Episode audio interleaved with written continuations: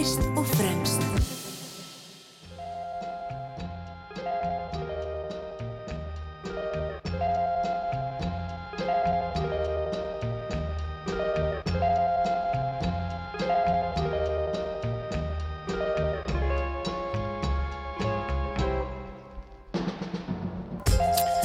Komið sæl og blessuð og velkomin í sunnudasögu dagsins sem að eru í umsjó Hrafnildar Haldarsdóttur í dag. 21. november og svolítið svona dimt og drungalegt í höfuborginni. Það er alltaf þetta, þegar það er ekki snjór sko, þá verður alltaf svo aðeins dekkra. En jólaljósinn þau hjálp okkur við að hafa þetta aðeins bjartara. Og um, þetta er bara minnum að ná það, jólinn eru bara á næsta leiti, þau eru bara alveg að koma. Það er rétt tæpu mánuður, nei, rúmur mánuður en uh, það er spennandi gestur í sunnundasögun dagsins í dag. Hann heitir Axel Rúna Guðmundsson og hann er fyrirvændi bóndi á Valdarási í vestur Húnavarsíslu og hann bara gerði sér lítið fyrir og kerði suðu til Reykjavíkur til að vera gestur minn í þessum þætti í dag. Ég veit eiginlega ekki hvað ég á að segja til að kynna hann, hann er með magnaða sögu, hann Axel Rúnar. Hann til dæmis er eini íslendingur sem hefur spilað leik með Manchester United, það var nú í frettunum áðan, frettir af því ágæta félagi. Eh, það var einhvern veginn fyrir tilstilli eh, prestsins í sveitinni sem að hétt sér að Robert Jack að það gerðist. Við ætlum að heyra þá sögu, við ætlum líka að heyra sögu af einelti Við ætlum að heyra sögu af, hvað ég voru að segja, dreng sem að vissi sjálfur ekki að fóreldran hans væru raunverulegir fóreldrar og var því kjölfarið laður í einelti. Hann er að berjast við sjúkdóm í dag, vil nú svona kannski sem minnst um það tala en uh, horfir björnum augum til framtíðarinnar. Axel Rúnar Guðmundsson, hann verður gestuminn hér eftir smástund. En við ætlum að byrja á Stefáni Hilmarsinni lag sem að heitir Heimur allur hlær.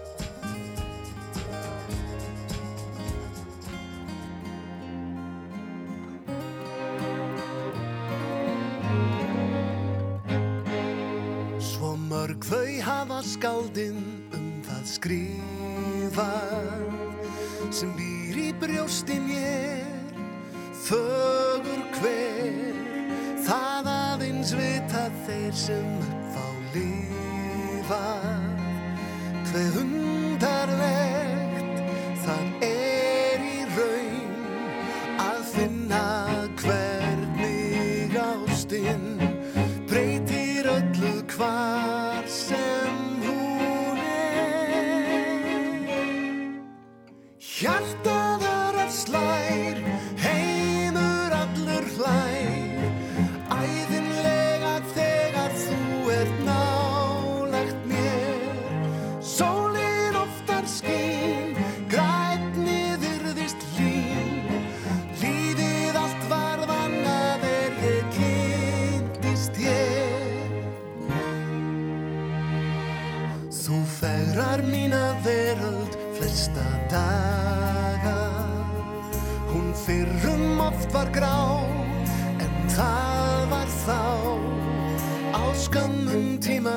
hefur mín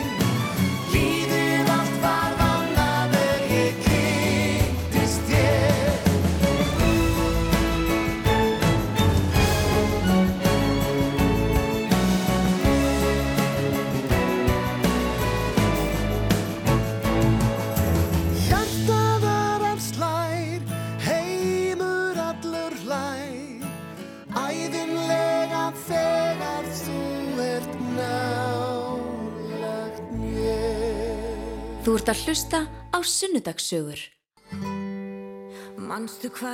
Gæstu minn Axel Rúnar Guðmundsson, fyrirvandi búndi á Valdarási í vestur Húnavarsíslu, verður gæstu minn eftir þetta lag. Allt það sem við áttum og allt það ríkti sáttum það rann sitt skeið En við eigum ekkert nema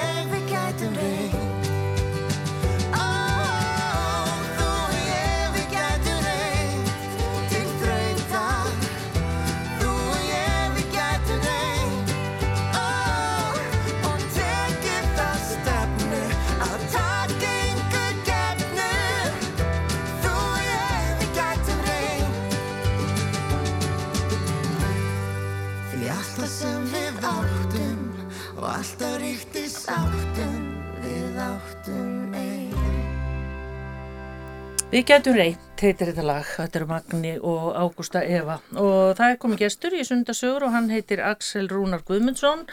Ég, sagði fyrirvændi búndi á Valdarási í vestur Húnavísíslu en þú býr þar enn, velkomin. Já, þakkaði fyrir. Jú, það er rétt, ég, ég býð þar ennþá. Já, en þú ert búin að bregða búi. Já, við pröfum búi í vor. Já, einmitt. Að byrja, Axel, á Manchester United af því að það var í fréttunum á þann og þú ert annálaður hérna, stuðnismæður Manchester United. Jó, mér leiðist aldrei að tala um Manchester United og vera ætti tilbúin til þess. Og... Já, en það gengur ekki nógu vel. Nei, þetta er búið að vera erfiðleika núna í nokkra vikur og eh, en Óli Gunnar Solskjær hefur gert, hann kom inn sem þjálfari á erfiðum tíma Já, og breytti mörgu og búin að gera mjög góða hluti en nú komið tímabreitingar, ég er sammála því sjálfur já, En mér langar bara svona til þess að svona smá kvartningu til United mann á Íslandi að ég hef engar ágjör af þessu. nei, Mér finnst svolítið þegar Master United tapar leik að þá bara fyrir heimsbyðin og golf. En eh, og líka eh, skamtíma minni er einhvern veginn þannig við erum alltaf að horfa á eitt leik en hugsaðu ykkur alla leikina og gleðina sem United búið að veita okkur já, í gegnum ára tíun, þetta er svo mikið saga. Já, og innviðin er svo sterkir, ég þekki það í einn raun að ég hef engar áhyggjur, Manchester United kemur alltaf tilbaka já. og það hættulegsta sem anstæðingur okkar gera það er að vannmeta Manchester United Sko, þarna komu kvartningar orðin frá honum Axel Rúnar og við ætlum að fá að vita það hér eftir smástund hvers vegna hann heldur með þessu magnaða félagi. Axel, eigum við ekki bara að byrja til þess að, sko, þetta er svo stór saga, við þurfum að halda vel á spöðunum. Uh, þú ert frá Valdarási í vestur Húnáðsíslu. Hvar er það nákvæmlega? Já, þetta er í raun í Fytjórdal í Víðudal í Vestur Húnaðarsýlu þetta er 20 km frá Kamstanga Já, og ef þú veist hvað víðigerði er og víðihlýð mitt. kannski farið á dansleik þar með geirmundi Ég náði því nú ekki, en margir væntanlega. mjög margir Já, að uh, þá er þetta skamt þaðan já, gastu labbað á böllin? já, jú, jú, það er einhvern tíma kom það fyrir Já, það. Eða kannski frekar heim Á blank skónum? já, Já. skulum segja það Já, og þetta er sem sagt bóndabær. Já, þetta er í- raun tvíbíli ytri og siðri Valdarós sem var nú síðan setni árin sem að uh, var bara í rauninni sameinað Já, einmitt. Uh, þarna elst þú upp á svona fóreldrum, ertu, þú veist, ein, eina batnið á heimilinu. já Hverju voru það. fóreldraðinir? Það er að segja sem þú ólst upp með. Já, að, hún heitir Hulda Ragnarsdóttir og, og Guðmundur Axelsson Já, einmitt. og hann, Guðmundur, er frá Valdarás. Hann er frá Valdarás. Já. Uh, þú bara hérna ert þarna ungur strákur varst alltaf í fótboltanum? Já, það var snemma sem að hérna, ég veit ekki að hverju vegna þess að fólki í kringum mig hafði ekki nokkur einast áhuga og, en eh, ég sá þetta í sjónvarspinu Já, og meðal annars enski, enska knaspurnar með Bjarnar Fel þetta var uppbólsættinu mínir og ég passaði með að missa aldrei af þessu nei, og var náttúrulega ekki mikið af bolta í sjónvarspinu á þeim dögum nei. En einhvern veginn, eh, þetta tókaði mig alveg svakalega og þetta byrjaði nú þannig að ég bara fann fullan kassa öllasokkum og bjóti bolta. Varði þetta allt saman og leik mig með, með öllasokkaboltan Já, og fór nú að snemma söða um bolta, fekk einhver plastbolta en langaði óskaplega mikið leðurbolta.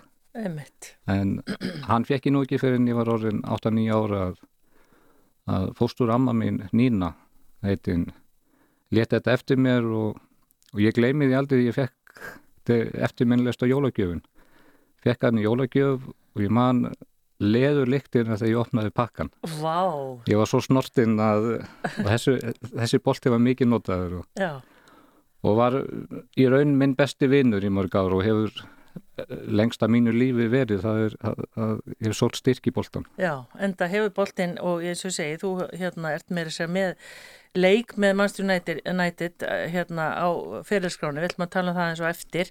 En Axel, uh, hvað ertu gamall þegar að þú kemst að því að fóreldraðinir er ekki blóðfóreldraðinir? Já, þá, já, formlega, mér var búið að gruna þetta lengi, en 13 ára er mér sagt af, af vinnumanni, en eh, sem að Teitur Gilvason heitinn, hann stuðs síðan að hann lest svonur Gilva Pálssona sem var nú þölur hérna hjá sjónaspinu mörg ár, var tvö sömur hjá okkur og þetta var í rauninni, þetta var voru sko fermingar árið mitt og 77 að við vorum í gerðingavinnu strákarnir. Og þá segir að við með þetta var í, var í mæ ég get ekki ég verð að segja það svolítið sagan og þó það muni hafa slæmar afleiðingar að ég veri kannski sendið með rútunni söður á morgun að þá verð ég að segja þér að þau eru ekki fóröldræðinir hann hafi þekkt eitthvað til sjálfur. Og það eru allir að tala um þetta allir vita þetta nema þú. Mm. og þau töluðu við mig þegar ég kom sem vinnumæður í fyrra að ef, ég, ef hann myndi heyra minnst á þetta að það væri mjög slæmt ef að ég myndi frétta þetta og ef hann myndi fara að ræða þetta við mig þá færi hann með næstu rútu til Reykjavíkur og fengi engin laun já, hérna. En fram á þeim tíma, þú segir þið var að fara að gruna þetta, hversuna var þið fara að gruna þetta? Það í rauninni byrjaði á mína fyrsta skóladegi, það var 7 ára gammal og þá var þetta nú skólinn í Víðislýr og það var nú ekki alveg besta byrjuninn að það var í bara fyrstu fríminútonum að þá er sagt við mig mammaðin er ekki mammaðin, pappiðin er ekki pappiðin og ég var bara eitthvað það hefur nú ekki, ekki umgengist neitt mikið af börnum. Og en hafði ekki lent í þessu aður og ég skildi ekki hverju krakkarnir voru að segja þetta. Og ég fór bara í vörn og hafði gæti ekkert sagt og ég held ég hann að fara bara að gráta. Og uh, og síðan kem ég heim og kennarinn reynda var nú búin að hrista mig eitthvað til og segja mér að hætta þessu væli og fara bara að leika mér með krokkarum en uh, þetta mér og þetta byrjaði strax hann þannig kom blessaðu kvíðin og st strax á öðrum degi vildi ég ekki fara í skólan og síðan var hann nú líklega tveimur árum síðar. Að þá kem ég ég sennilega þremur án síðan það er fyrsti veturinn minn í heima vist á löðabakka það var búið mjög erfi vika hjá mér. Og þau eru í fjósinu fóreldrarnir og amma líka ég var einninni en það var helst að maður sótti styrk til hennar. En ég lagði aldrei að opna á þessu umræðu. Nema ég fór að hugsa að frændi minn sem var sonur bróðir pappa þeir voru svo líkir. Það sá ég sjálfur. Og ég fór í myndalbúm náði mynd af, af pappa fórstuð fyrir hann speilin og baðinu horfið á mig speilmynd mína og horfið svo á myndina. Og þá fór ég bara að gráta því að ég hugsaði krakkarnir að segja satt En og þetta var aldrei niður brot Já, ég trúi því, en, en uh, Axel Rúnar sagður aldrei neitt við fóreldraðina, eða hvernig, nei, ég, þú bara geymdir þetta, þetta fór í svartólið svarta kassan og ég byrjaði snemma að safna í hann. En, en sko, vissur bara ef þú hefði sagt eitthvað, þá hefði það verið taka niður, eða, já, já, þannig að það var ekkit búið upp á það. Nei, það var ekki búið upp og ef það voru einhverju erfuleikar eða eitthvað svona, það var ekki minnst á það og, og mátti ekki bera svona á borð og alls ekki að það spyrjist út fyrir út fyrir heimilið Nei. Axel Rúnar, þú ert fættur 1963 og þú ert rétt svona, hvað ég var að segja, nýbúin að opna hjartaðið fyrir þessu. Já, þetta hefur þetta hefur plagað mig lengi og uh, ég fór að í rauninni já, við komum kannski inn á það síðar. Já, mér snotaði áfengi sem var til að deyfa tilfinningar út af þessu. En uh, það var ekki fyrir núna í vor að hérna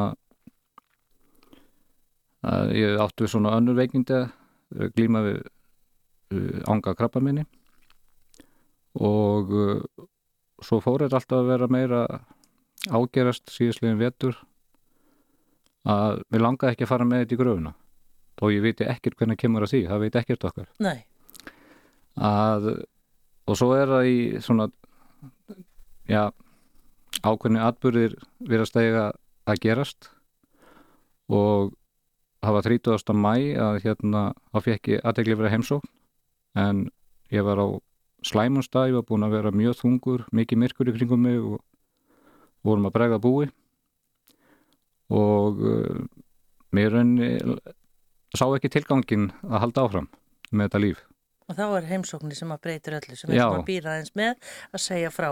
En Axel, bara segðu okkur aðeins frá skóla árunum af því að þig langar líka til þess að upplýsa fólk um uh, bara, hvað ég var að segja, svona vanlíðan, hversu tilgangsleist það er að segja börnum ekki frá. Já, þetta er það ítti við mig búin að heyra núna svolítið undanfar, undanfarna vikur og mánuði í fréttum að varandi einelti í skólum. Og bara nýlega maður búin að heyra ekki, ekki góðar, góðar fréttir að börn loku inn í herbyggjum og annað. Og þetta þekki ég að eigin raun það var gert um mig. Þú var settur í herbergi sem fórnalamb eineltis. Já, í rauninni.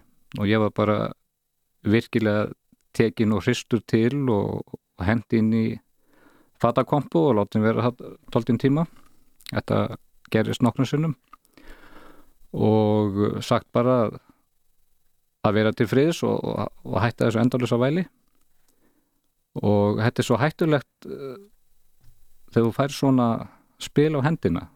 Þegar þú fær ekki góð spil á hendina sem uh, barn að þetta fylgir mann all lífi og svo er svo misjamt svolítið tilvíðanlega kemmt hvort maður næri að vinna úr því eða ekki. Uh og uh, og ég var í rauninni heppin hvað það varðað en, en það var hann að atvik sem að gerðist uh, ég var á 12 ári að, að það voru bara mjög erfið vika mjög erfið.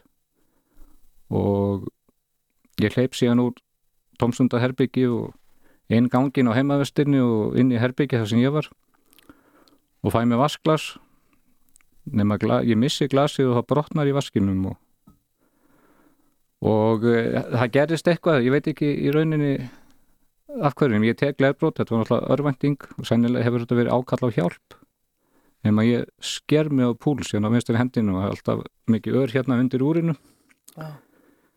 og það fossa blóð þarna út um allt og en skólasturinn hafi séð þegar hljópin og hann kom hann rétt á eftir og og uh, verður náttúrulega hvert við og setur hangklæði hann utan um vefur og hafi farið með mig á, á kamstanga og ég var alveg tjólaðar að mætti ekki hringja heim alveg bara ekki hringi mamma og pappa, ekki, ekki, ekki ég, ég bjóstu að þá hliti ég verða af Já. og nema læknirinn sem að eru talsverið líkur að hafa verið Kári Stefánsson.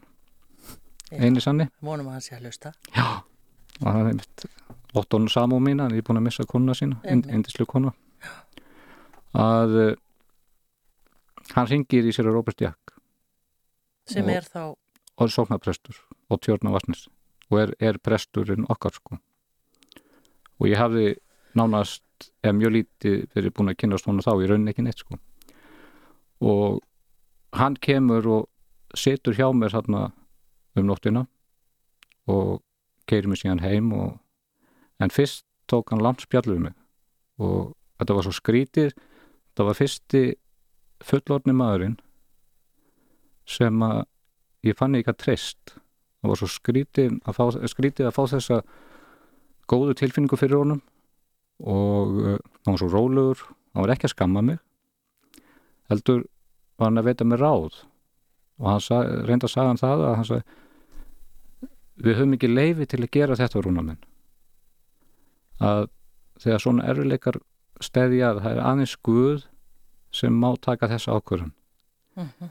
ef þú fær núna til Guðs þá skilur öll vandamálin eftir og erfileikan og þá þurfum einhverju aðrir að leysa úr því og aðrir vera sorgmæntir og hann vissi ég var mikið í fótbolta. Og, og, og hann sagði mér dæmisögu sem við erum að í Manchester United. Og eftir þetta var ég náttúrulega eitil harfur stunningsmaður United. Að, og við erum að spila leik og kannski erum við að spila við Liverpool sem er nú aðal keppinauturinn og okkur gengur ill og það er 3-0 í hálfleik fyrir Liverpool. Þá förum við ekkert grátandi heim og gefumst upp. Allur setni hálfleikur er eftir. Og hlutinni geta gerst í setni hálfleik. Fyrst að þeir gáttu skora þrjúi fyrir hálfleik þá getum við það líka í setni hálfleik ef ekki fjögur. En við þurfum að hlaupa meira við þurfum að tala meira saman og vera duglegir, nýta færin okkar og þá förum við í gegnum þetta. Og förum í gegnum leikin og hann er ekki búinn fyrir dómarinn ringir Mm. þegar dómarinn flautar og það getur við 90 pluss og við verum alltaf að halda á hann svona er, svona er lífið okkar líka saman þetta er bara eitt fótballtaleikur það er fyrir og setni hálfleikur. En við eigum alltaf möguleikan á að snúa þessu við þannig komin skýringin á því, hvers vegna í fyrsta þú heldur með Manchester United og bara fótboltin hefur spilað svona mikla rullu í lífiðinu.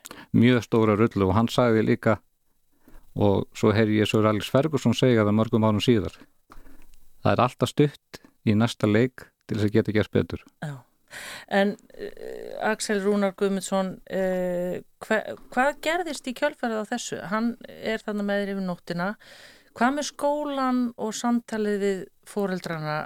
hann fer, fer með mig heim og fann að ég var mjög kvíðinn og hann sagði mér að nú fær þú bara á kvílirið og svo mun ég, ég ætla að tala við fóreldraðina og svo mun ég vera í sambandi við þig. Ég ætla að senda þér sjúkt, það er knaspið, það er fótboltablað sem að hann var áskrifandi að, að fullt af flottum myndum sagðan og hann stóð við þetta og, og hann átti held ég mjög alvarleg spjall við þau en í framhaldinu var presturinn tekinn út af sakramentinu hjá komnu hjónunum þau sögðu að það veri aldrei nokkur fríður fyrir þessum presti lítið strákin aldrei vera og þannig var það í rauninu öll árin í framöndan Já. En heldur að þau hafi sko vissu þau hvað þú hafðir gert og hann sagði þeim það. hann sagði það nú, En samt sem áður gáttu þau ekki talað um það við þig. nei, Nei. það var aldrei tala um þetta við og ég veit ekki, eina sem ég veit að ég held að hafi aldrei verið samskipti á milli skólans og fóröldrana. og þetta er sko Svo mættu það og- aldrei sóttur fóröldrafundur eða eitt niður neitt og ég man aldrei eftir að hafa sé kennari að skólastjóra þarna heima. Nei. og það er ekki eins og sért fættur sko fyrir 150 árum þetta er, þetta er stutt síðan Þetta er raunin mjög stutt síðan en ég ger mig líka grein fyrir því að það er mun betra skólastar þarna í dag heldur en var þá. Og ég trúi því í einlægni að það er tekið allt öruvísi á þessum málum í dag. En því miður erum við enn að heyra þessar fréttir í útvarspi og sjónvarspi í dag að svona atbyrðir eru að gerast. Að einhvern veginn er ekki þólega mikið hraði í samfélaginu, það er ekki tími eða þólega með til þess að takast á við vandamál barna og, og gefa þeim tíma, við erum öll misjöfn og misjöfnt eh, hvað hendar hverjum einstakling. En þetta er svo dýrt bara fyrir samfélagi að missa einstaklingin svona út úr kerfinu því að hvað fylgir svo eftir? Það er mikið dýrar og það er mikið ábyrð að vera kennari. Og ég, ber mikla virðingu fyrir kennurum. Her, her, kennar og hjúgrunum fólk þetta eru dýrmannsasta fólki okkar. En þeir reyndar það er ekki metið í launum. Nei, það er alveg á hreinu en uh, ég veit að það er örglega erfitt fyrir það að tala um þetta en sko maður hugsaður þetta uh, varstu beittur ofbeldi eða hvers konar hér ægi var á heimilinu og þú uh, ríkti bara þögnin ein eða hvað, ég bara það var mjög mikil þögn. Já. sérstaklega í kringum uh, fósturfæðin minn. Og uh, hann hann tók allt hressilega á mér. Og ég man aldrei eftir hann hafi haldið á mér það var aldrei snerting. Það var einhverjum sagt hvað ég ætti að gera þegar það var komið að vinnu.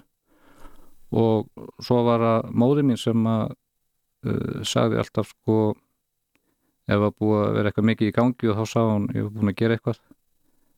Uh, nú, nú er pappiðin ánaður þú var svo duglugur en þetta var hrósi sko. Og En þú varst að leikaði með boltam, þurftur að fela þig með það eða máttu þau, já, ég, bara fór og leik með með boltan já, en það var eitt atvik með hennan bolta sem ég sagði frá áðan fyrsti lefubolti minn að ég maður það var að voru til að ég var búin að vera sögburu og var búin að brinna kindunum. Og ég taldi mig vera búin að fylla alla fötur háljópi út að sjálfsögðu út af hlöðu með boltan og, og, og strax komin í rauninni bjómi til bara minn annan heim til þess að fara úr núinu og í eitthvað annað þema ég var bara alltaf að spila fótballaleiki og skrifa þetta allt niður og var bara með heilu mótin og leik alltaf leikina og, og allt gerist í, í höfðin á mér sko sem að hjálpaði mér geislega mikið og, og þetta var hvað er óbæst með til þess að gera. Og ég er svo fegin núna út af því að í dag hefði ég sér að sloka með að með tölvuleik já, og ekki farið út úr herbyggi sko. En með því að gera þetta þá fekk ég hreyfing og blóð, blóð, blóðið rann og kom náttúrulega dopamin og mér fór að líða betur andlega við alltaf þessa eh, hreyfingu með boltan en það var hann atriði sem að ég lengi, átti lengi erfitt með að fyrirgefa. Að gamli maðurinn kom þarna út. Já, það var svo mikið gammalt þá náttúrulega. Og alveg brjálaður og sagði þetta væri ekki búið að breyna og, og ég, ég, ég var búin að fylla allt. Já, þú ert bara að fylgjast með þessu og, og, og bæta á. Og komdu með hennar helvítis bolta.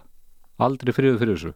Tók upp vasarnýfin og stakk á hann þetta var, þetta var eins og væri verið að sko, stinga vinn minn eða hestum minn eða, þetta var opaslega sást og hann hendur hann í ruslið.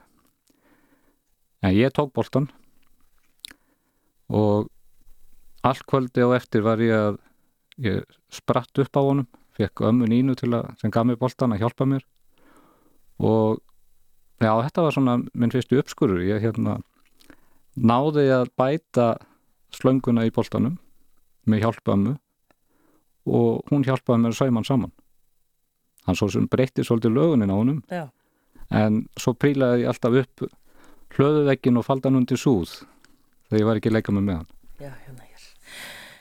Robert Jack, hann sem sagt er þarna örlaga valdur í lífiðinu þannig að þegar hann kemur þessa nótt. Hva, hvernig tókst ykkur þá að vera í sambandi og hann einhvern veginn tósar þig áframsaldið í lífinu og í tengslu með fótboltan án þess að þau færi að skipta sér af því eða hvernig, hvernig gekk það fyrir sig? Já, það var náttúrulega eftir að maður fór að eldast meira hann, hann var mjög, hann ótrúlegur hann Sýra Róbert sko hann var svo duglegur að koma á æfingar fylgjast með hvað verið gerast Í tengslu skóla. Já. Já, já. og, og svo æfingar hjá ungmennafélagunum þetta var náttúrulega miklu fjölmennar samfélag þá heldur en er í dag. Og uh, og svo hringdi hann í okkur stundum sérstaklega á sömri til sko að og, og hringdi í mig og sagði mér að ég skildi nú hringi strákana og segja mér að veri messa. Í, til dæmis á tjörni eða vítastungu og hann myndi aðeins minnast á fótbolta og kannski koma dæmisögu að tengdri Manchester United. Og þetta gerði hann margótt og, og svo væri hérna æfing eftir messu. Og, og, og þetta gerist oft. Og hérna Og hvað var- við að tala um stóran hóp? Hvað voru þið margi þá, eða mörg? á þessum tíma var þetta alveg 10-20 strákar sko Já, og krakkar. Já, og uh, því á sömri til það var alltaf búið á flestum bæjum það voru fimm ungmennafjölu hann í síslunni á, á þeim tíma. Og það voru með að segja sko það var mótin og það var 16 ára yngur og svo mestrarflokkur sem að alveg með ólíkinu sko. Þannig að það voru fullt af leikjum. Já, og en það var oft erfitt að komast á leikina vegna þess að þau vildu ekki hafðu engan áhuga á þessu og, og keiruð okkur ekki.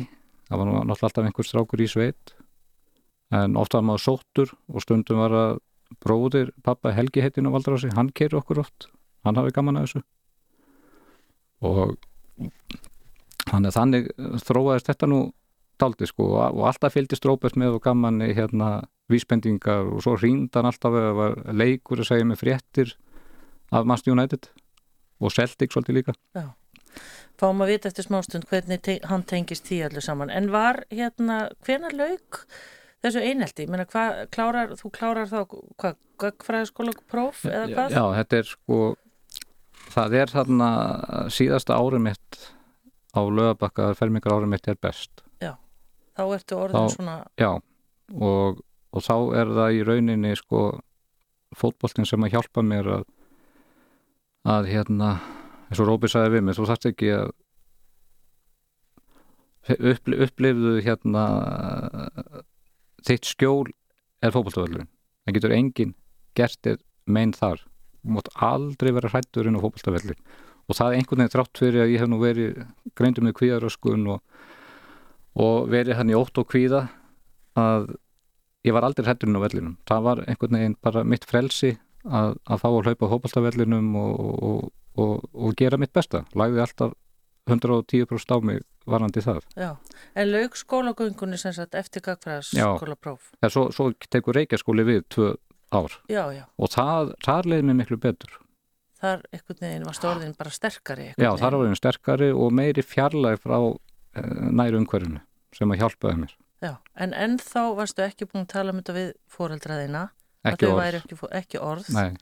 og vissið þar í Reykjaskóla var fólk ekkert að velta þessu fyrir sér. þá var þetta miklu blandaðri hópur komu krakkar frá Reykjavík og raun alltaf aða landinu það var heimaðustu skóli og þá komaður heimba aðra hverja helgi eða einsunni eina helgi í, í mánuði sem að væri raunin bara gott fyrir mig og ég kynntist mörgum frábærum félögum eins og skjöldur Kormákur og skjöldur. Já, skjöldur já. mjög góðu vinnu minn og við kynntust á Reykjaskóla. Já, já, já, og haldið mjög góðum tengslum alla tíð. Og eins var Jónína Ben var Já, já, og hún tók mig svolítið að sér og, og, og bjóð til auka æfinga fyrir mig. Og mjög áhuga söm og, og vildi endilega að ég færi suðu til æfinga og hún sagði ég vil fá að tala við fóreldræðin og ég, nei, nei, nei, sagði Jónína ekki gera það. Já. og, en hún fór í Valdarós og talaði við. og já, helt fund. Hún hefur séð hann að því líka hæfileika. já, hún taldi það vera. Og Róbert Jakk líka. Og uh, það fór allt gjörsamni í háloft. Og það var bara staðið á öskrónum og henni var hent út. Já, hérna hér. Þú átti semst að verða bóndi, Já, það var bara ákveð held ég þegar ég var ætlitur. Einmitt. Já. Hvort hefur að tala fyrst um Robert Jack og hvernig hann kom til Íslands eða hvenar þú komst að því uh, hver fóreldraðinir eru? Hvað, hvað varstu, hvort er á undan? þú mátt ráða. Já, en ekki bara klára harminn og, og, og fara svo í léttleikan. Já. Einmitt, við skulum hérna þá fyrst uh, hvað, hvað ertu gamall þegar þú finnur hver er, hver er blóðfóreldraðinir? Sko, ég, ég kem staði þarna fermingar árið hversi blóð móður mín. Hvernig kemst það því? Uh, Teitur Gilvarsson, vinnumæður, sagði mér það. Hann sagði nafnið á henni líka. Já, já og þá var mér búið að gruna það í daldin tíma. Og viltu segja okkur hver hún er? Já, hún, hún heitir Fjóla Ingþórsdóttir og var ná frænka huldu sem að ætleiti okkur. Það er mömmur þeirra var systur Já, já, já. og báðar eru þær frá dæli viðdal. Og uh, En pappin var ekki, þú varst ekki búin að finna það út. nei, það gerist ekki, ég kynni svona ekki fyrir nýja 50 fyrir 8 árum. Er þetta fólk á lífi eða? Já, Þau eru á lífi, Já. blóðfóreldraðinir. já. En hinn eru látin. Já, það er, það er dóið 2010, hann dóið 10 og, og, og, og mamma hulda 12.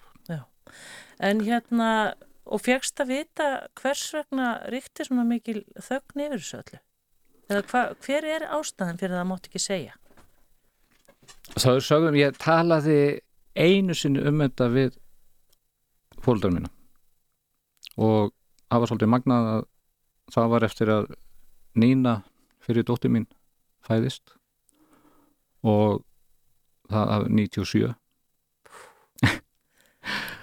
og þá var að koma skýrn og ég ákvað það í áfengismeðferð talaði um þetta við Þóraðin Tervingsson og hann sagði þú býður ekki þú átt eftir eignar spötn og maður ekki bjóða þeim upp á þetta. Þau verða að vita Já. að, já, og ég var alveg ákveðin í því ef ég myndi eignar spötn að þá er ég svona lendamálapakki e- ekki hafður í gangi. Og ég vildi að þau myndu strax hér ala stuffið með bara þetta væru fóstur fóruldar mínir. Og hérna og ég byrði þau að hitta mig. Þetta var rosalega, ég var með bullandi í hérslott orðin rík fullorðin já, sko. já, já, já, já. Og hérna og segi við þau að að ég vilji að að fjóla mamma.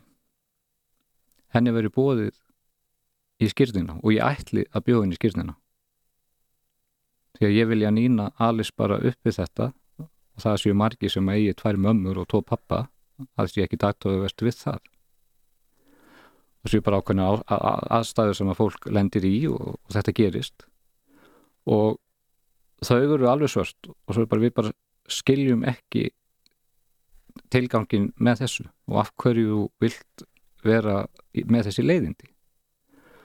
Og, og sögðu við gerðum þetta nú bara að því við höldum að þetta væri þér fyrir bestu. Og auðvitað er þetta fólk síns tíma og, og, og ég hef, hef enga fórsendu til að dæma það að vonandi er það bara rétt að þau hafi talið þetta en ég held að þetta hafi verið einhver hræsla líka að þau hafi ekki getað einhver spött sjálf eða sko, ánum ég þekki það. Og ég sagði bara og ég notaði eitt reyndar vegna þess að þau hafði miklar áhyggjur af mér veit ég þegar ég var í, í, í fyllir í spullinu mér snótt áfengi og maður týndist oft að ég sagði við þau ef ég ætla að halda áfram að vera lifa edru lífi án áfengis að þá megi ekki svona lendamál vera. Ég vissi að þetta myndi svona kannski aðeins hjálpa. Já, og ég sagði ég vil að þið komið í skýrnina. Hún var um, í, á, í Melstaðakirkju. Daginn eftir skýrnin. Og við erum komið með barniðurinn upp að alltarinn sko, þau eru ekki komin í kirkjuna þá heyri sprakk í hurðinu og hún opnast og þau koma og setjast á aftasta bekk. En þau, þau komu. Þau En- komu? En fó- fóru ekki í veisluna eða? Jú, þau komu í verslun en, en, en hérna Fjóla sem er þú móðið þín já, uh, var hún alltaf sátt við það var þetta ekkert leyndamál fyrir henni eða? Nei, það var það ekki. Og hún lendir í því reyndar að að þurfa að skrifa undir í ætlingingaskjölum sko sem gamli maðurinn pappi lætur hann að skrifa undir og með vitund af vottum að hún muni aldrei upplýsa þetta mál. Og uh, en hún sagði mér síðan að hún hefði farið fram á að ég er fengi alast upp við, við þetta. Og í allra síðasta lægi er mér sagt þetta síðasta lægi þegar ég er femtur og hún kemur í ferminguna mína. Þetta ég sko að ólst upp við það að þetta væri fjóla mamma. Já, já, já, þetta var fjóla frænka, ég var Já. látin alls upp við það sko. Já, svo bara hann já, 11-12 ára sko 10-11-12 þá var ég farin að heyra nafni fjólastundum hjá krökkunum. Og allir vissu meir en ég. Og uh, mér var farið að gruna þetta áður með að sagt þetta að hún væri og ég var farin að vera svolítið stressað þegar hún, hún kom svolítið í heipsuna tíðanbili en svo alltaf minkaði hann alltaf út af þessu. Og svo sá hún mér að hún færið þetta í tal þegar hún kom í ferminguna. Og þá var henni bara hótað löffræðingi og ef hún vogaði sér að fara með þetta lengra. Mm. þannig að þetta maður hugsa sko auðvitað höfðu þau sínar ástæður og allt en einhvern veginn ah, hvað ég var að segja, harmunir sem fylgdi þessu að bara gefa þetta ekki upp og af því að það, þau hefðu ekki að skamma sér fyrir. Nei, ekki nei. Ég, ég, ég, er, og líka það sem ég er mest hissa sjáu það ekki hendi sér að þetta myndi spyrjast út? Því að hérna það var nú gamli sveitasímin á eins og Facebook í dag sko Já. og alltaf var hlusta að fá fréttir sko og, og hérna þannig að þetta er já en, en eins og ég segi ég er búin að fyrirgefa þetta í dag og ég hef engar aðra fórsendur en að þetta hafi bara verið í rauninni ég bara upplýsingaskortur, fáfræði í rauninni. Að, að hafa ekki rauninni voru við ekkert mikið félagslega og sterk, alls ekki. En eitt manni þegar ég var í uppeldinu að það var svo skrítið með pappa þegar komið gestir þá var hann allt, allt annar maður þá bara sá ég hann vera að spjalla á fullu og hlæja.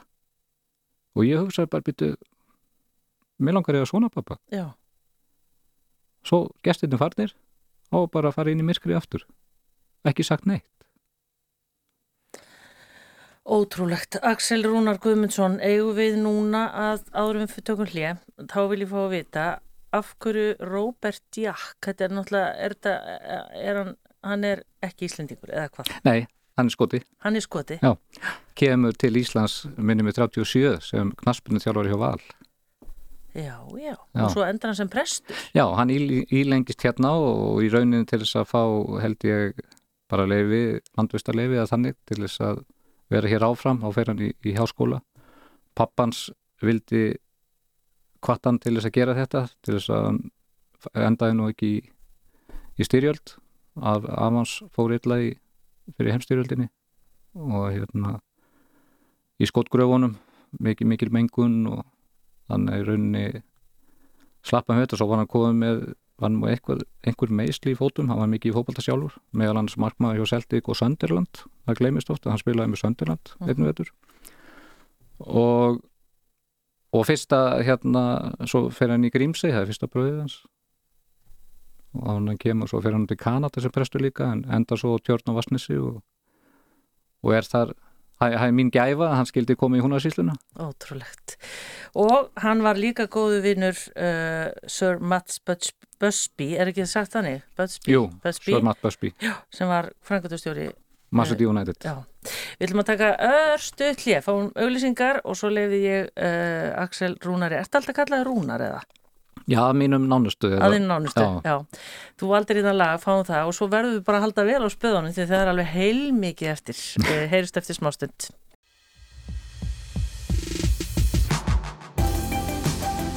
Rás 2. Fyrst og fremst.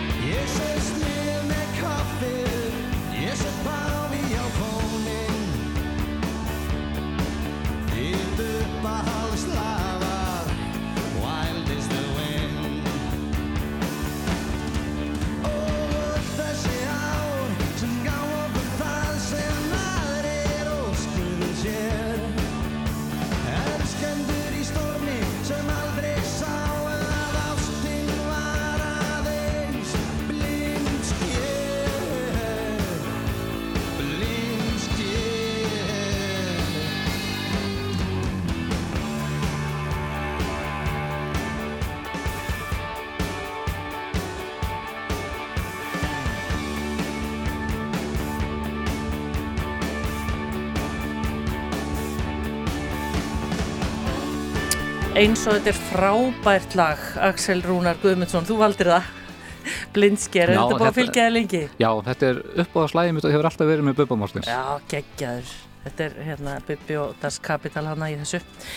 Jæja, heyrðu, það er setni hálfleikur hjá okkur, við verum að halda Já. vel á spöðunum við erum búið með, sem sagt, við vitum núna hver er Robert Jakkars Já, Uh, við erum eiginlega að segja, við erum eiginlega búið með, uh, hérna þú ert bara orðin daldi flottur ungu maður og svona eh, kom, búið með reykjaskóla og, og svona þetta er allt svona í áttina og svakalega góður í fókbalta. Já þá við segjum sjálfur frá. Ég, ég var mjög öfnilegur Og, og hefði gett orðið enn betri ef ég fengið rétta umgjör. Robert gerði eh, eins og hann gatt og hann sagði oft við mig, ég væri með efnilegri strákun sem hann hefði séð og ég hefði bara þurft að fá miklu betri ramma bæði varandi foreldra og eins ef ég hefði nú fengið að fara söður og, og æfa við miklu betri aðstæður og, og, og, betri strákum. já, einmitt.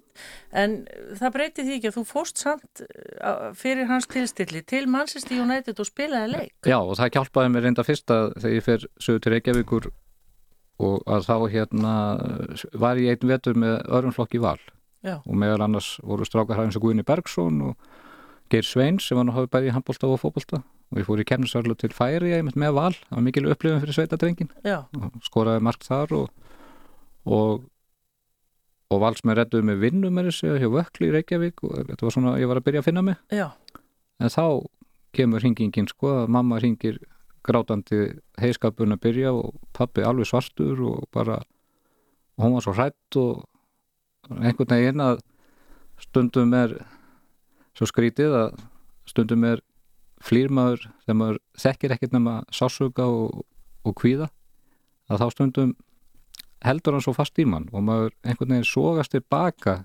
inn í sásugan og, og ég slútaði öll og fór norður bjarga heiskapnum. Já. Já.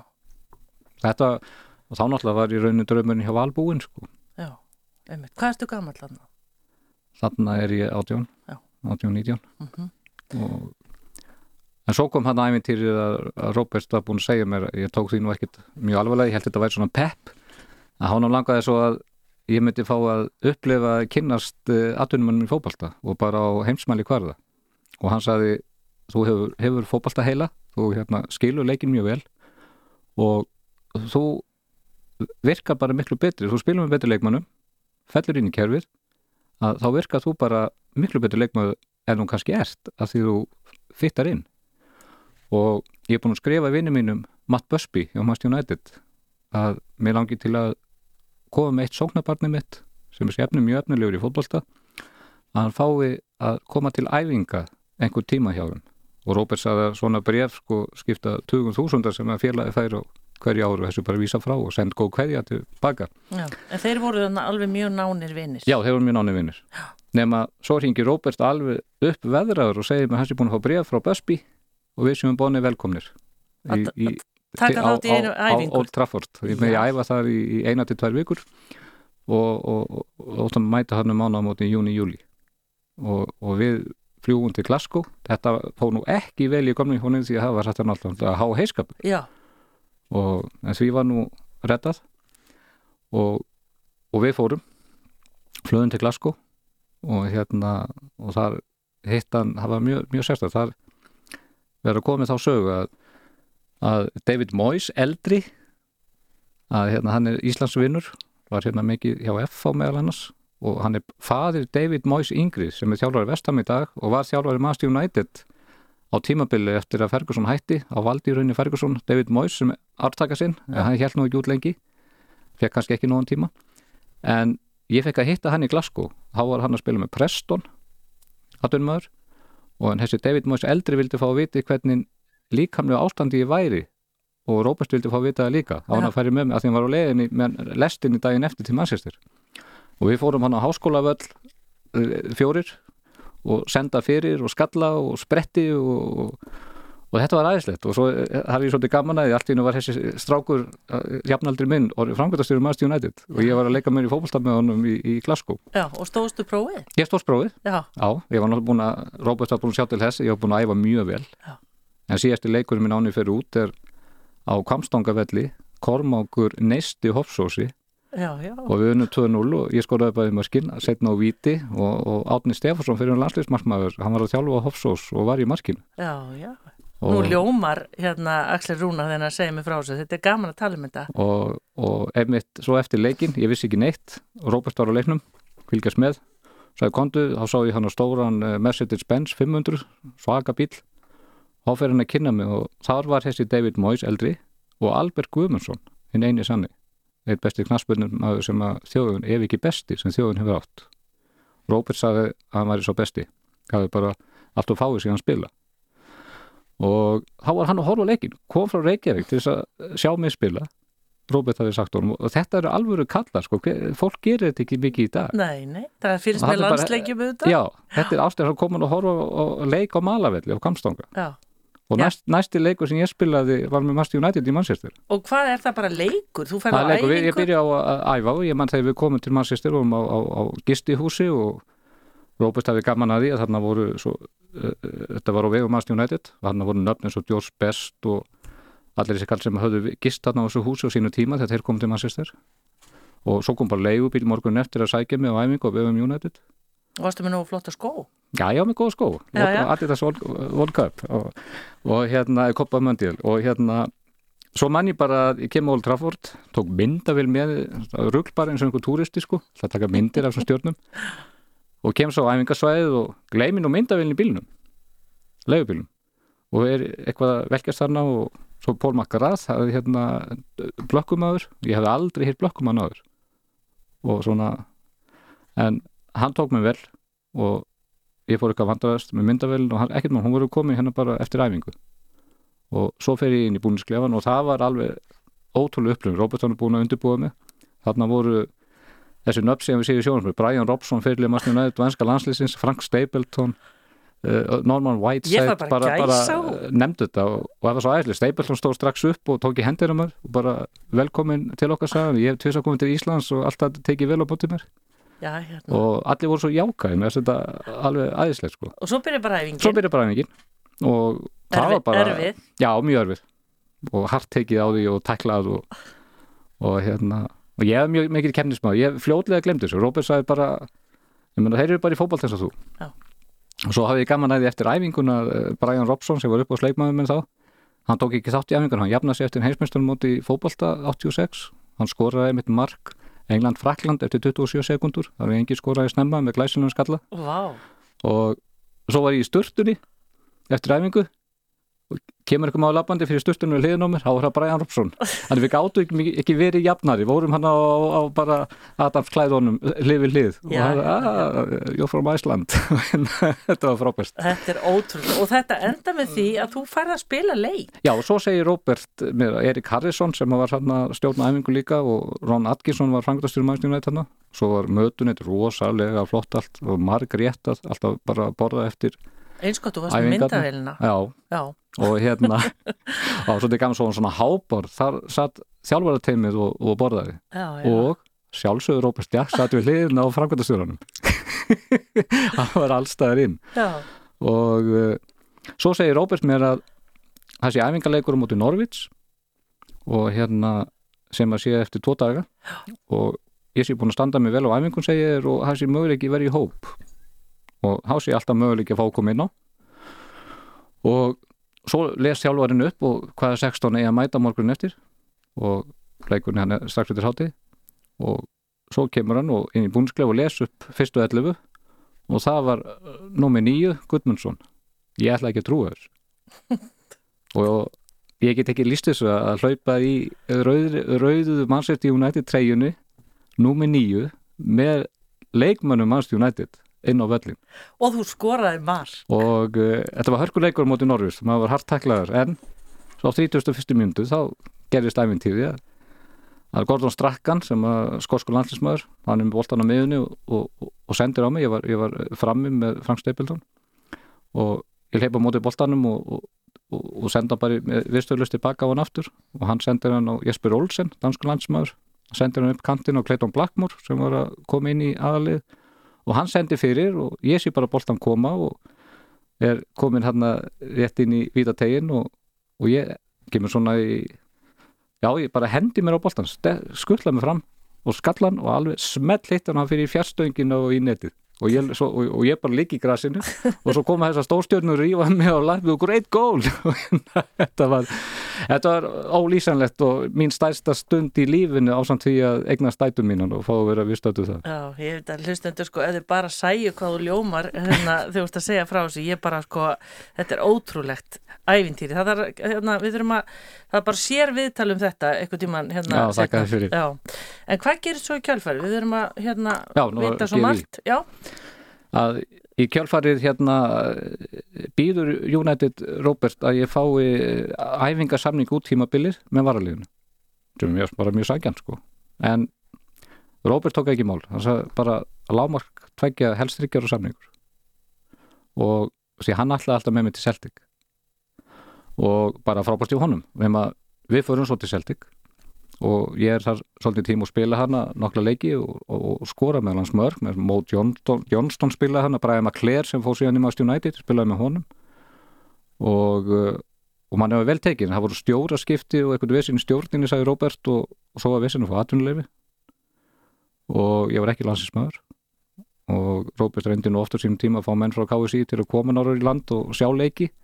En það gekk nú ekkit vel. Ég veit að það er hins vegar í lægi í dag og hann er það var nú ekkit af þessu. Og nema ótrúlega reynsla. Og við förum heim og Róbert er alveg í skíunum og ég mangum þótti væntum að hitta Róbert eftir leikin að ég skildi skora á 31. mjöndu því að mér átti svo mikið kjarkur í honum að fara með svona nokkuð óreindan fótballtamann í svona risaklúb og hann sagði bara ég vissi að hann, þú þarf svo fá færi að, að spila með Manchester United framherji, þú fær alltaf færi og þú þarft ekki mörg hvað, þú fjast eitt færi og nýttir það. Og en síðan þegar heimi komið þá segir Róbert að Albert Guðmundsson hefur hringt. Og einhver félag eins og Fraklandi að það vanti hérna framherji í Grunóbl. Og hans heilsu til, til að bjóða með reynslu samning og Róbert leist nú ekkit vildi hafa mig á Englandi eða Skotlandi. En það var ákveða hjóli þetta og við fórum heim til Albers frábært að hitta kallin og gaman að heyra þá tala saman. En áðurinn ég klára þetta að þá langum með að segja hérna með mannsýstir að það var magna líka að þú talar um Matt Busby. Ég fer ekki frá mannstjónaður náttúrulega að tala um það að við hittum hann fyrir utan Old Trafford og svo borðum við með honum um kvöldið og að setja við borð með Sir Matt Busby og Robert Jack og heyra þá tala um fótbolta að því gleymi ég aldrei. Nei. og reyfi upp ótrúlega hluti. Þessum hafa lendir í, í flugsleysi í Munhjan 58 sem átta leikmenn maður stjórnættir láta lífið. Og hann bj- bjargast úr vélni er og gjör gæslu í marga mánuði.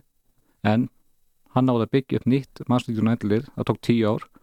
Og Manchester United var erupumestari fyrst enskra liða 1968, vinna þá Benfica 4-1 og þá eru leikmenn eins og George Best, Bobby Tjalton, Dennis Lowe uh í liðin Einmitt. Og eins og ég segi það þarf bara sér viðtal um þetta ævintýri. Allt, þetta er náttúrulega magnar en þú fer til Fraklands og, og hvað ertu lengi þar? Já, það, fekk ég samling til ás Já. til að byrja með. Og ég er hérna í raun einn vetur. En fóreldræðinir, voru, voru þau bara Nei, þarna náði ég að slíta mig svolítið frá. Já, og hérna og kynnist þarna leikmanni eins og sem var í þessu liði var Júri Djörkajev sem var síðan heimsbyrstari með frökkum 98 og var mikið efndir Já.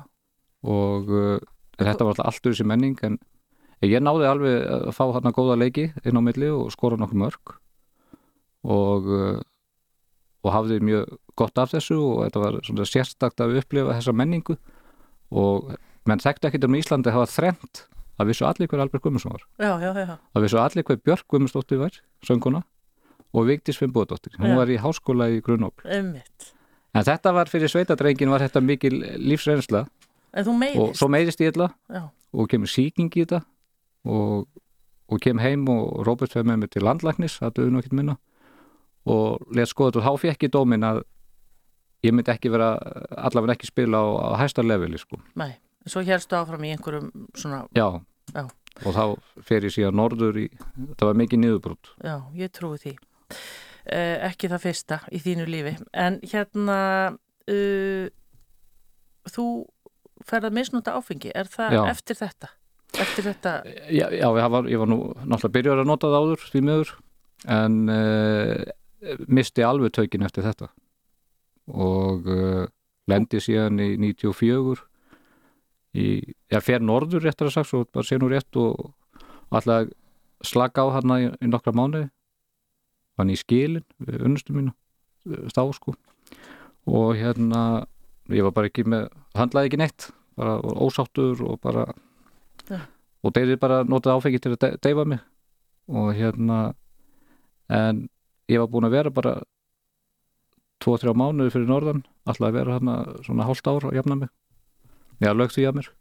Og hérna þá deyr Helgi heitin sem er bróðið pappa og þetta var svona tvíbíli hjá þeim og þá eiginlega örlega valdur í mínu lífi sko að- og þá setja þau mikla pressu á það að hann fer alveg í kerfi pappi sko þetta ver, nú kom einhver villisingur sko þetta verður ekki nokkuð sér svo mikið unni saman sko og liggi saman og þannig að ég kaupi jörð af, af dánabúi sko já, já.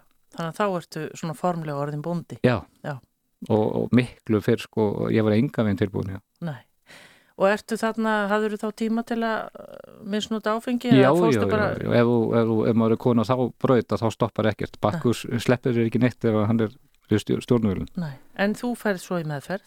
Já, eftir slæmt bílslis 94, á höstinu 94, þá lendi ég mjög slæmi bílslisi, búin að vera í mikill óreglu, í, það var allavega runni að mér í viku og, og ég hefur mælst í mig sko, nema ég missi stjórn á bíl á leiðin á Skagaströnd um minnættið, svo finnst ég ekki fyrir en sjö um morgunin og upplið og fer marga veldur og, og og þetta var mjög sérstætt að upplifa þetta. Ég hérna, þarna held ég myndi degja og fyrst var ég fastur í bílum ætlaði aldrei að geta losa mig en náði svo að losa beltið og fann að vinstir löppin var máttlaus. Og ég náði alltaf að rífa hana með mér og náði að skrýða út úr bíl svo var mér svo kallt að ég náði að koma í einhvern skurð þarna og reyna að reyta grasið við mig. Og svo náttúrulega fer bara tilfinningaflæð á, dag- á stað sko eftir nokkar klukkutíma að engi bíl kemur og og þá fyrir ég að kalla á hjálp og byrja til Guðs og, og svo verður maður reyður það allur tilfinningar skalin svo, svo detti ég út og, og mín upplifun eh, já, jú, jú ég ég held ég hafi verið á leiðin yfir því að ég hef áður skrítið ég hef hert svona eh, en svona bara virka þetta fyrir mig. Mér fannst ég sjá svona göng upplýst göng. Og mér finnst ég vera að rölda svona móti svona miklu ljósi svona, eins og bara upplýst stjarna.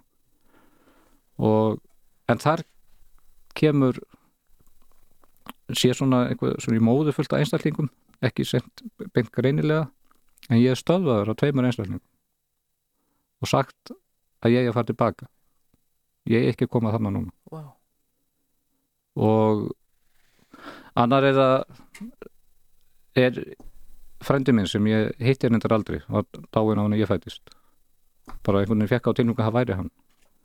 Og uh, sem er víglundur og er ná, náskildur og veit ekkit af hverju bara, þetta bara festist í mér. Mhm.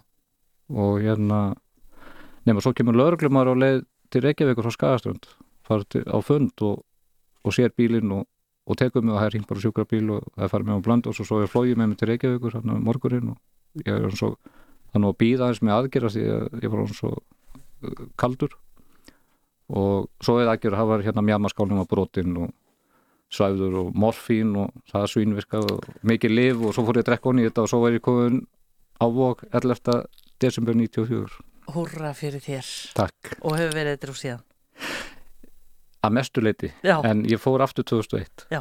eftir, að refresha þetta bara. Já, einmitt. var orðið mjög þungu þá Við verðum að ná að, hvernig heitir þú pappaðin? Þú verður að segja mig það og svo Guðin Ágússon. Þetta er tvent sem Já, eigum eftir. hann má ekki, þetta eru stórjakslar Já, bóður fyrst pappiðin, Já, blóðpappiðin, hann er hver?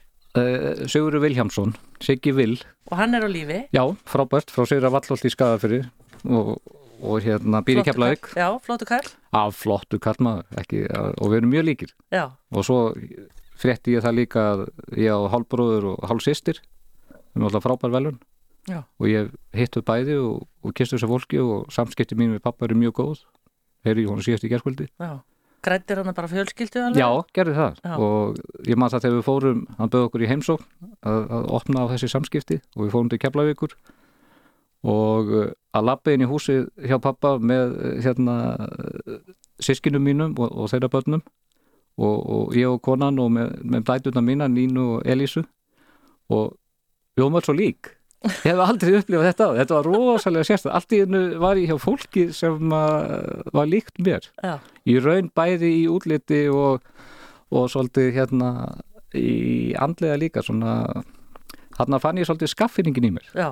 Ég ætla að hjálpa þér að, að hérna, til sem við náum guðna inn í þetta, að núna í mæ, þá Já. er það þannig að dóttir þín er á einhverju svona viðbyrðið það ekki, Jú. einhverju svona pöppa hérna, upplestri Já, eða eitthvað. það er hann mjölkuhúsi á Stóra Áskísó þar sem að Guðni var að hressa húnvenninga eftir COVID-ið Já, og hún fyrir að segja guðna frá því að pappinar, hún er líði ekki nógu vel. Já, Guðni tek, hefur gaman að spjalla unga fólkið og, og tekur spjall við, við Nínu og, og unnusta hennan, Eithor sem að voru þarna og þau fara að taka spjall saman og, og ég er best í tal og hún segir eitthvað hver ég sé og ég sé búin að glíma við veikindi og þetta. Og Guðni verður svo heldtekinn af þessari sögu ég hef fært til Master United og Robert Jack og nema svo bara morgunin eftir að hún býður honum í, í, í, í morgunkaffi og Guðni að langa til að koma. Og hann kemur, og ég morgunin eftir þetta var mjög þungur. Ég var búin að vera, mjög svarti tímar hjá mér ég var bara andlega þeittur að bregða búi og búin að vera í vengindum og bara sá ekki að ég kemist upp rekkuna nema ég er búin með hafragrötu minn er á fyrsta kaffibólla, rennur bíl í hlað. Guðni. og ég ætla ekki að trúa þessu. Og lít út. Og há sé ég Guðna kom út úr bílnum og einhverju fleiri en svo finnst mér vera hempuklættu maður með hatt sem gengur á undan. Róbert og ég hugsa bara, Jésús minn er þetta Robert Jack?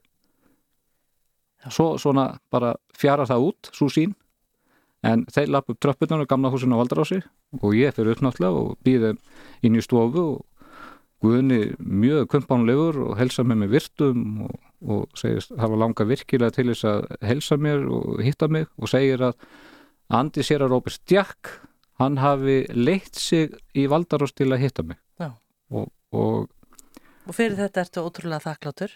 ótrúlega vegna þess að svo tökum við spjall saman og, og, og Guðjón Ragnar Ágúst sonur hans og ég vissi ekkert að, Ágúst tók allt upp á síma.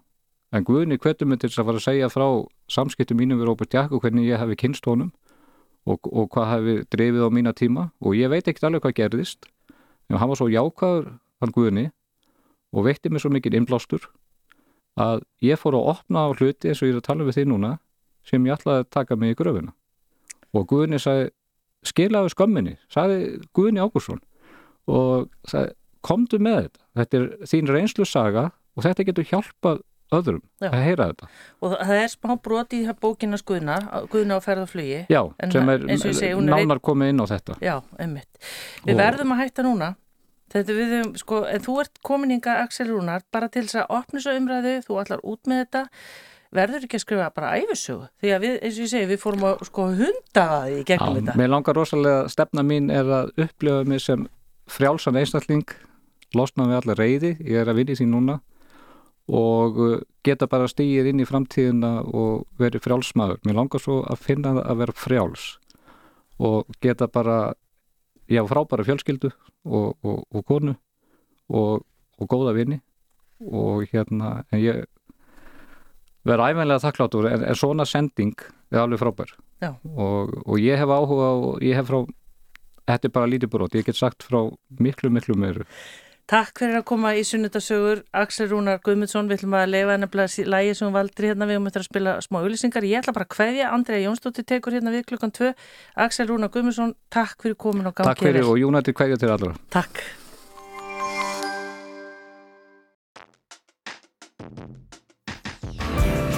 Rástvö Fyrst og fremst